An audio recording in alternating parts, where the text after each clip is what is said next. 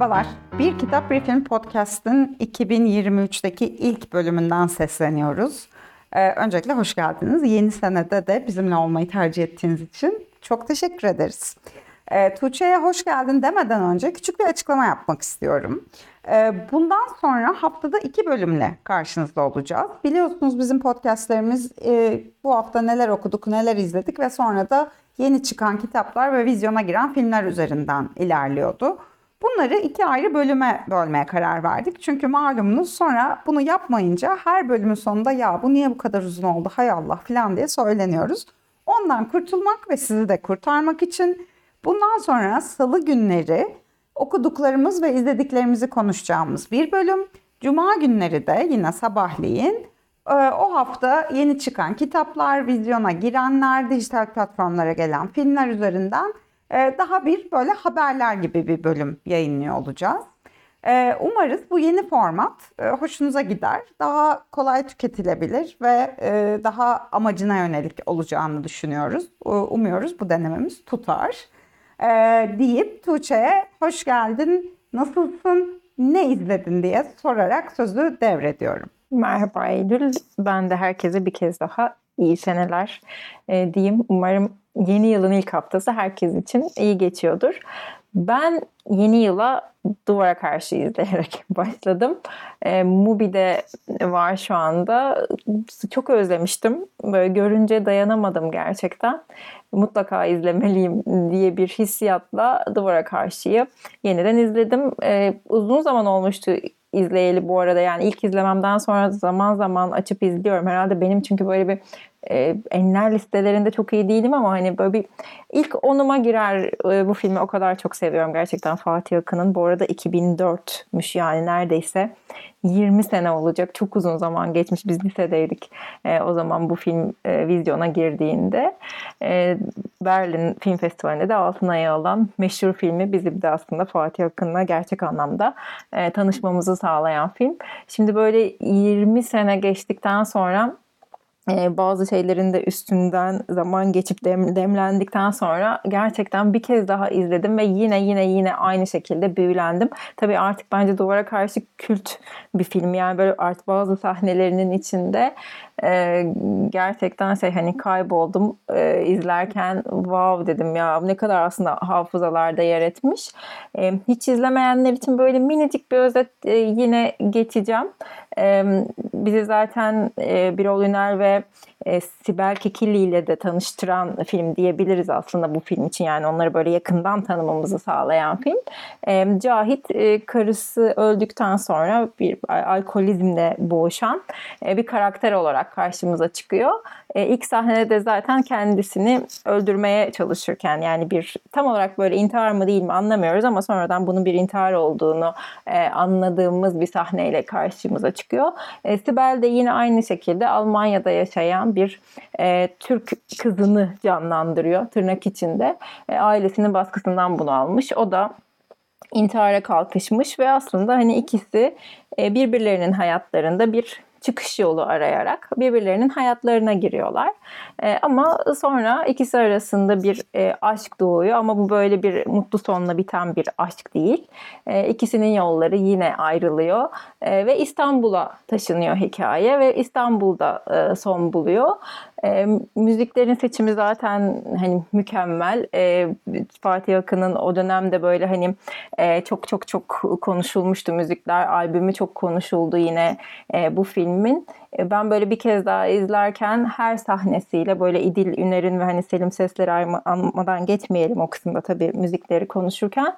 E, her sahnesiyle bir kez daha içine girdim ve iyi ki böyle bir film var ve bir şekilde hani e, kendimizden bu filmin içerisinde yer buluyoruz diye düşündüm. Eylül belki böyle bir 20 senesine sen de hazır yere gelmişken duvara karşı ile ilgili bir şeyler söylemek istersin. Sana da burada vereyim sözü. Ya şöyle e, açıkçası sen anlatırken hikayeyi neredeyse hiç hatırlamadığımı fark ettim.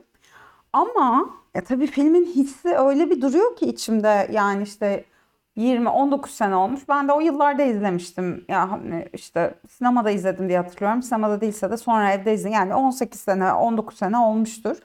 Ee, ya çok tabii yani çok çok sarsmıştı. Böyle kesinlikle tekrar izlemem lazım. Yani ne kadarını anladım o çocuk e, ergenlik halimle orada bahsedilen şeyin e, bütün derinliğini kavrayabildim mi emin değilim. E, muhtemelen şu an bambaşka bir şey yaşatacak.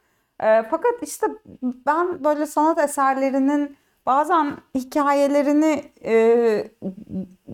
unutmamıza rağmen hislerini içimize bırakmasını çok kuvvetli buluyorum.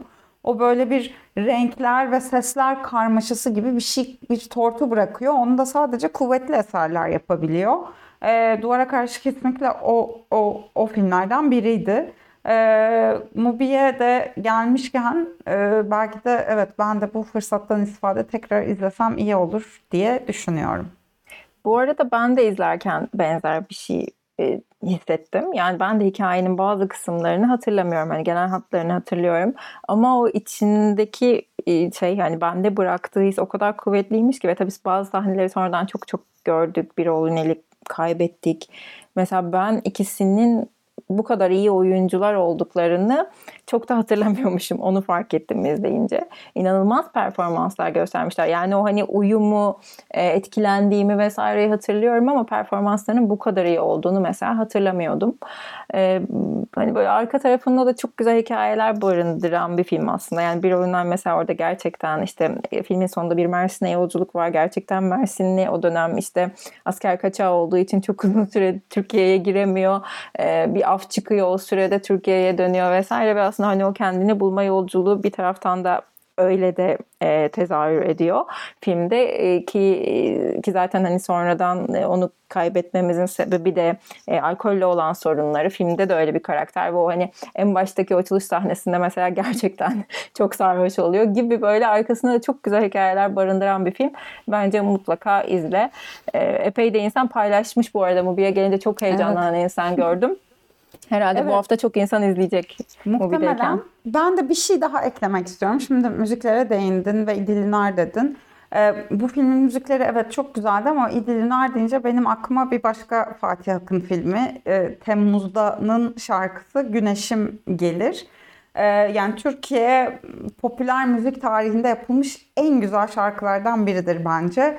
Ee, hatırladım. İdil'lerin adını duyunca çok zamandır da dinlemiyorum. Hatırladım ve hatırlatmış olmak istiyorum. Biraz konudan konuya oldu ama e, bu bölümü dinleyenler şarkıyı bilmiyorsanız ya da biliyorsanız ve benim gibi yıllardır dinlemiyorsanız lütfen Güneşim şarkısını açıp dinleyiniz. E, hatta dinlerseniz Instagram'da vesaire de paylaşınız. Başkaları da hatırlasın. Çok güzel bir şarkıdır. E, İdil'lerin Fatih Akın filmlerine yaptığı müzikler diye de ayrıca konuşulur herhalde. Ee, onu da eklemek istedim. Evet. Ee, duvara ka- ha, tam bir şey çok iyi çok iyi hatırlattın. Ben de onun üstüne bir şey söyleyeceğim. ee, orada Melek karakterini canlandırıyordu e, bu arada Temmuz'da da İdil'ler. E, ve Fatih Akın o kadar hayranmış ki kendisine ve çok yani şans getirdiğine inanıyormuş. E, o yüzden de böyle her filminde özellikle İdilinere ve İdilinlerin sesine, es- eserlerine, yorumuna yer veriyormuş diyerek. Bunu bilmiyordum. Ne güzel bir bilgi. Yani biz fakat bölümleri ikiye böldük kısa olsun diye demişken anlaşılan bunun rahatlığıyla hiç kısa falan olmayacak. Uzun uzun konuşur olduk. Neyse duvara karşı bu süreyi hak eden bir filmdi şüphesiz. Ee, ben bir şey izlemedim. Ben yani gerçekten görsel sanatlarla ilişkimi tamamen kesmiş gibi bir tavır almış gibiyim. Öyle değil. Sadece bu ara e, belirli bir zaman içinde okumam gereken bir takım şeyler var. O yüzden kendimi okumaya adamış durumdayım. Ee, inşallah bir noktada ben de size bir film anlatacağım diye umarak sana sorayım önce. Ee, ne okudun? Biliyorum ne okuduğunu. Dinlemek istiyorum senden. Evet, Sinek Kuşu'nu bitirdim sonunda. Yaşasın. Geçtiğimiz haftalarda müjdesini vermiştim zaten. Sandro Veronesi'nin e, senin partine katılarak zaten okudum. E, çok beğendim. Sen özellikle zaten okumamı istemiştin e, bu kitabı. E, ve senin bir yorumun vardı hatırlıyorum. Bir açılış sahnesi var. Sahnesi diyorum çünkü gerçekten bir sinema uyarlaması yapılsa sanırım mükemmel e, bir şey var. olur. Çünkü Yapılmış Aa, ve kötüymüş. Ha kötü. Tüh. Maalesef izlemedim. Neyse ya. Belki yeniden yapılır umarım. Umarım. Bu şey e, sinek kuşunu e, Eylül görmüş partisinden sonra bir kez daha yorumlamak ister misiniz e, diyerek. Keşke o, o kadar etkim olsa çok arzu ederdim ama kesinlikle çok yani film izlemedim bu arada. Belki de severim izlesem ama genelde okuduğum yorumlar çok şey yapamadı. O hissi, o yumuşak hissini kitabın filminin barındırmadığına dairdi. O yüzden bilmiyorum. Neyse evet. Evet Açılış. yani e, kesinlikle böyle bir içine sa- saran bir açılışı var öyle hani hem her şeyi an- anlıyorsunuz bir yerde ama bir taraftan da inanılmaz bir gizem barındırıyor. Ve tabii o Marco Carrera'nın 70 yıllık yaşamını az önce senin dediğin gibi yani böyle çok yumuşak bir tondan çok içine girerek e, böyle aslında o edebiyatta yani böyle İtalya'dan e, doğan edebiyatta böyle ara ara işte Elena Ferranti var mesela benim son dönemde çok sevdiğim böyle çok detaylara giren çok detaylı bir tarzları var. Hani aslında şimdi İtalyancayı da düşününce böyle İtalyancaya çok yakışan bir edebiyat tarzı o. Yani ben böyle İtalyancayı çok iyi bildiğimden söylemiyorum bunu ama e, az çok e, kulak aşinalığımdan doğan yani onların böyle bir taraftan çok heyecanlı, ateşli, bir taraftan da böyle yumuşak bir tarzları vardır ya. Bu kitapta böyle bana hep onu hatırlattı aslında. Ee, burada işte aileye, romantik ilişkilere ki zaten hani İtalya deyince aileden bağımsız bir şey ortaya çıkması çok mümkün değil. O hani ve mutlulukla ilgili bence çok güzel şeyler söylüyor kitap. O yüzden çok çok sevdim.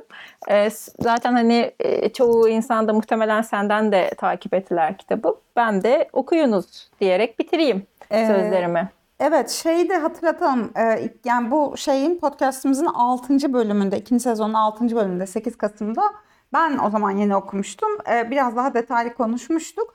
Dediğin şey çok doğru. Ee, yani onu dinlemek isteyenler oraya da bakabilir. Ee, dediğin şey çok doğru. Çok anladığımı düşünüyorum. Yani şöyle bir şey söylüyorsun sanırım. Hani bu kitabı sana e, şey yapsalar, okutsalar yani yer isimlerini ve isimleri falan değiştirip ve yazarın şey olduğunu bilmeden ve hangi dilde yazılmıştır diye sorsalar İtalyanca dersin. Yani sanırım kastettiğin şey böyle bir şey. Öyle bir Aynen. şeyi var. Değil mi? Evet. Aynen. Bir de ben şeyini çok sevmiştim. Ee, yani böyle çok enteresan bir mesela mailler e, ya da efendime söyleyeyim bir takım envanterler bir anne babanın ölümünden sonra evdeki eşyaların envanteri üzerinden vesaire bir takım hikayeler anlatıyor. Bu yöntemi de çok hoşuma gitmişti. Yani bildiğimiz anlatı yöntemlerinin dışında mesela o envanter bölümü bir sürü insan yani ne gereksiz diyenler oldu. Ben de böyle ya deli misiniz kitabın kalbi o yani müthiş bir şey e, eşya üzerinden bir tarih anlatma şeyi demiştim. E, bu arada kitabın ikinci baskısı da bitmiş. E, üçüncü baskıyı yapacaklarmış. E, azıcık benle ilgili gibi bu durum öyle diyorlar yani. E, yani çevirmeni Eren Hanım, Eren Yüce Sancen de söyledi bu e, üçüncü baskı haberinde. E, çok seviniyorum bu güzel kitabın daha çok insana ulaşmasını sağlayabildiğim için. E, deyip o zaman bir de dünyayı sorayım sonra da sazı elime alacağım ve bir sürü kitap anlatacağım. Dünya Bey ne okudular? Efendim Dünya Bey bu hafta Sevgili Dünya diye bir kitap okudu. Böyle e, dünyanın kitaplığına içinde dünya geçen kitapları dahil etmeyi çok seviyoruz aslında. E, Isabel Otter e, ve e, Clara e, Anganuzzi'nin e, yazdıkları bir kitap. Aslında resimleyen Clara Anganuzzi e, ama e, o kadar mükemmel e, resimleri var ki bu, bu kitabın zaten hani yazardan e, ayrı düşünmek çok e, mümkün gözükmüyor. Çeviren de Olcay Maden Ünal Meav yayıncılıktan çıkmış. Bu çok da sevdiğim bir yayın evi. E, burada e, kitabın baş karakteri Tessa e, dünyaya bir mektup e, yazıyor ve aslında orada gezintiye çıkıyor. Bir dedesi var kaşif ve birlikte e, dünyayı keşfediyorlar. E, ama aslında bu kitabın e, geldiği nokta e, insanların e, dünyaya biraz e, hoyrat davrandığı. Tessa e, bir şekilde de gezegen dünyadan aslında ona yaptıklarımız için e, özür diliyor. Böyle macera dolu e, biraz da e, çocuklara işte e, çevre bilincini aşılayan diyormuşum. Böyle standart bir yorumla. Ama Milli Eğitim Ee, Bakanlığı bülteninden okumaya geçtin herhalde. Bir, birdenbire yani. bir anda değişti. Ee, ama evet yani hani bir taraftan da hayvanlarla yani bir doğaya nasıl yaklaşmamız gerektiği konusunda da iyi bir yerden yaklaşıyor bence kitap. Ee, dediğim gibi çok güzel e, resimleri var. Ee, böyle çok güzel, e, sevimli bir kitap bu hafta dünya. Sevgili dünyayı okudu. Teşekkür ediyoruz dünyaya. Ee, Bol okumalarının devamını diliyoruz ve bir diğer bol okuyucu olarak e, ben konuşmaya başlıyorum. Şimdi çok e, birikti benim anlatacağım kitaplar. O yüzden çok hızlıca e, paylaşacağım. E, çünkü dediğim gibi biraz geriden takip ediyorum e, podcast'te. İlk önce e, İskoç yazar Muriel Spark'ın, Muriel Spark'ın Sürücü Koltuğunu okudum. Siren kitaptan çıkan bir kitap bu. E, Nihal, Nihal Yayın Obalı çevirisiyle yayınlanmıştı. 90 sayfalık bir küçük kitaptan bahsediyoruz. Ama çok acayip bir kitap. Yani böyle e, ya eski bu arada e, 1970 yılında yayınlanmış ama zamanının çok ötesinde. E, acayip bir gizemli bir öykü ve günümüzde de hala varlığını koruyan böyle pek çok problem ve tuhaflığı buluyorsunuz. Kafayı beslenme biçimiyle bozmuş insanlar, Orta Doğu'daki bitmek bilmeyen darbelere yapılan göndermeler, polisin engellediği öğrenci eylemleri vesaire ama asıl derdi sürücü koltuğunun e, kadın olmanın bitmek bilmez zorlukları. E, ne kadar günümüze ait bir mevzu hala. E, dediğim gibi çok burada da mesela sinek kuşundaki gibi en başta ana karakterimizin e, öldürüleceğini öğreniyoruz ve kitap boyunca da bu ölümün nasıl gerçekleşeceğini okuyoruz. Son birkaç sayfaya kadar da cevabı öğrenemiyoruz. Yani böyle bayağı oynuyor e, Muriel Spark, Spark okul, okurla. Böyle ipuçları atıyor falan. Kafanız karışıyor. O nasıl bir cinayete gidiyor bu iş falan filan diye. Çok böyle huzursuz, tekinsiz e, ama bir yandan da çok sürükleyici. Bu yani noir roman dedikleri türde yani bir siyah kitap, e, tekinsiz ve karanlık bir kitap. E, ismi de bu arada ayrı bir gizli ifşa ediyor aslında. E, hayatımızın sürücü koltuğunda biz mi oturuyoruz? Hakimiyet aslında ne kadar bizde gibi bir sorudan devşirildiğini anlıyorum ben bitirdikten sonra. E, yani böyle feminizmin ezberlenmiş söylemlerinin hiçbirine başvurmadan çok e, feminist bir kitap yazmış aslında ve o yıllar için özellikle enteresan. Kadının kurbanlaştırılmasına ve böyle modern toplumda güçlenen kadın fikrine, kadının tercih hakkına dair çokça metafor barındırıyor. Çok ilginç bir kitaptı. Bu arada 1974'te de filme çekilmiş ve başrolünde de Elizabeth Taylor oynamış. E, tam filme çekilecek bir öyküydü gerçekten. E, o yüzden şaşırmadım. İlki sürücü koltuğuydu.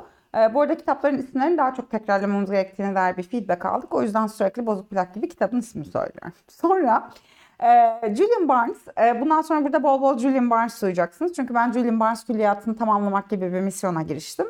E, Julian Barnes'ın Aşk Vesaire kitabını okudum. E, Aşk Vesaire Barnes'ın Seni Sevmiyorum kitabının devam kitabı aslında. Yıllar sonra yazdığı bir e, devam kitabı. Orada üçlü bir aşk hikayesi okuyorduk. Biraz böyle e, Jules Jim'den, e, senin de sevdiğin filmden, e, Truffaut filminden esinlenen bir e, anlatıydı bu. E, seni sevmiyorum. Bir üçlü aşk hikayesi, iki erkek ve bir kadın arasında. Bir aşk ve dostluk. E, aşk vesaire de 10 yıl ileriye sarıp e, bu üçlünün ne halde olduğuna bakıyoruz. E, çok tuhaf ki bu e, devam kitabını ilk kitaptan daha çok sevdim. Çok sesli yazılmış bir metin. Üç, üç anlatıcımız var. Sürekli bizimle konuşuyorlar. Bu kez bizimle de konuşuyorlar. Okura sürekli laf atıyorlar ve ben çok eğlendim. Tabii ki çok komik bütün Julian Barnes eserleri gibi.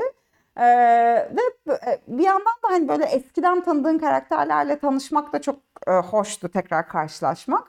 Kitabın adı Aşk Vesaire. Bu arada Serdar Rifat Kırkoğlu çevirisiyle bütün Julian Barnes eserlerinin çevirmeni olan ayrıntıdan çıkmıştı. Onu da ekleyeyim. E, aşk vesaire çok güzel seçilmiş bir isim. Çünkü aşka, aşık olmanın biçimlerine, aşkın insanın ne yaptığına dair bir sürü şey anlatıyor.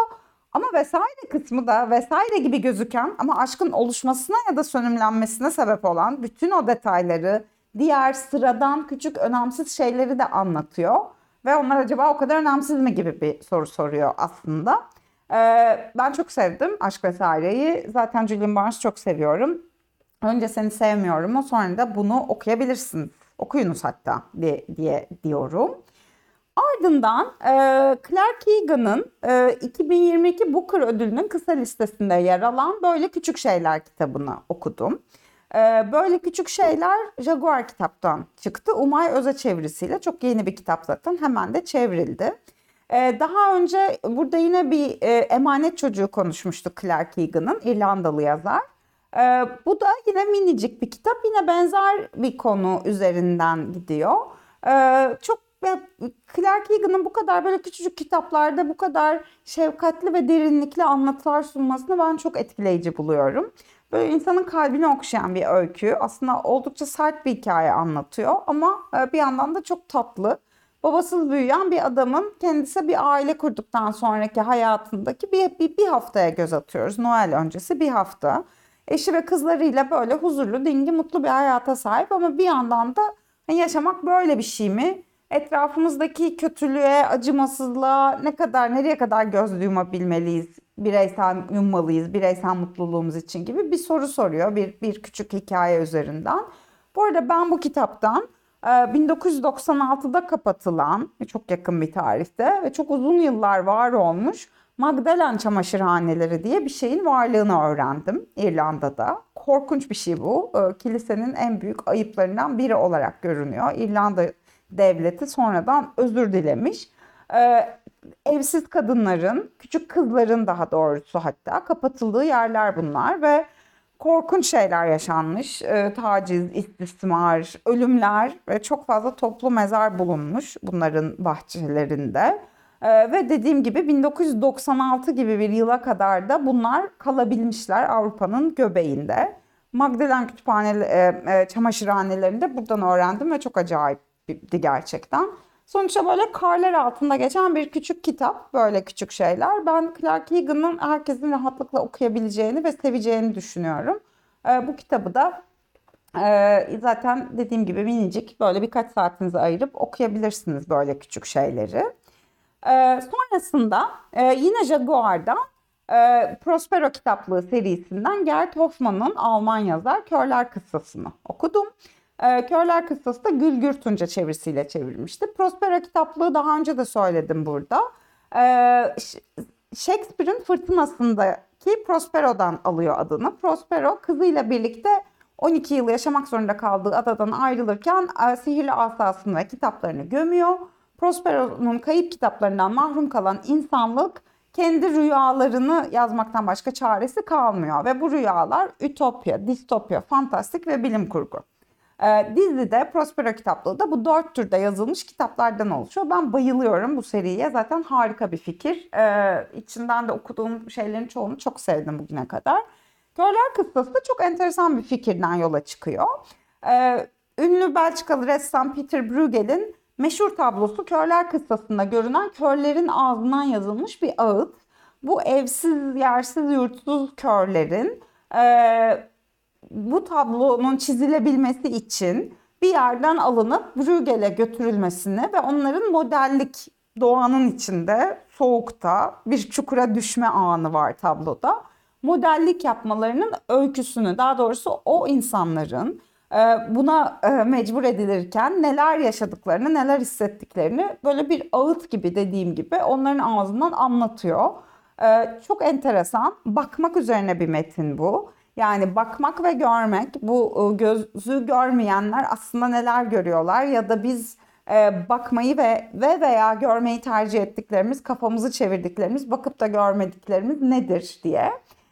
Bence bütün sorusu bu. Ve tabii ki bir ötekileştirme meselesi. Orta çağda körlüğün Tanrı tarafından verilmiş bir ceza olarak görülmesi sebebiyle insanlara bu körlere köy halkı tarafından yapılan muamelenin acımasızlığını da anlatıyor. Ee, böyle kolektif bir ağızdan yazılmış çok güçlü ve böyle tuhaf bir metin bu. Ee, ben çok e, hoş buldum böyle hafif destansı ve e, çok çok güzel. Bir tane bir cümle de aktarayım neden diye soruyoruz. Resmimizi yapması gerek resmimizi yapması gerekiyor ki var olmamız yetmiyor mu ee, diye soruyordu kitaptaki anlatıcı görme engellilerden biri. Bence tam da bu soru. Yani var olmak yani bir şeye aktarılmadan var olabilir miyiz gibi bir soru aslında soruyor. Ee, son olarak da beşinciyi de anlatıyorum. Çünkü dediğim gibi hala çok gerideyiz. Hala Aralık'ta okuduklarımı konuşuyoruz. Aralık ortasında. Yine Jaguar'dan ne kadar çok Jaguar okumuşum. Rus yazar Sergey Dovlatov'un Bavul kitabı. Bu da Eyüp Karakuş çevresiyle çıkmıştı. Yeni. Hatta bence bundan birkaç hafta önce ya da bir ay önce yeni çıkanlarda aktarmıştık. Biraz hızlıca alıp okudum. Ben daha önce Dovlatov'un Pushkin Tepelerini okumuştum e, ve sevmiştim. Dovlatov Sovyetler Birliği'ni terk etmek zorunda kalan, e, rejimle sıkıntıları olan bir yazar. E, romanlarında da genelde bunun izlerini görüyoruz zaten bu meselelerin. Ee, burada da e, aa pardon bavulu değil Zona'yı birkaç hafta önce yeni çıkanlarda bahsetmiştik. Evet düzelteyim. Zona'yı henüz okumadım. Bavulda da Sovyetler Birliği'ni terk ederken yanlarına yalnızca 3 bavul eşya alabilmeleri insanların üzerine bir anlatı kuruyor ve e, bu üç bavulunu alıp Amerika'ya göç eden bir adamın yıllar sonra dolabın dibine ittiği o bavulu açıp o bavuldan çıkan eşyalar üzerinden geri döndüğü hikayeleri okuyoruz. E, o öyküleri anlatmaya koyuluyor ve bu nesneler üzerinden hem kendi hayatını anlatıyor hem de bir Sovyetler panoraması çiziyor. E, Pushkin tepelerindeki gibi yine kronik bir e, Sovyet devleti problemi olan bireyle devletin tuhaf ilişkisi meselesine dalıyor e, Dovlatov. E, yani devlet bireysel alana aşırı müdahale etmeye kalktığında toplumsal hayatı fazla biçimlendirmeyi denediğinde e, nasıl ilişkilenir insanlar gibi bir sorusu var. En bireysel öyküde bile devleti görmemiz mümkün. E, 60'lar Rusya'sına dair epeyce ilginç bir resim çiziyor bu kitap. Yer yerde çok komik yani sistemin içine gömülü absürtlüğü bulup bulup çıkarıyor ve ben çok eğlenceli buldum. E, bu da böyle küçük bir kitap. E, yine güzel, lezzetli bir, e, zevkli bir okumaydı Bavul.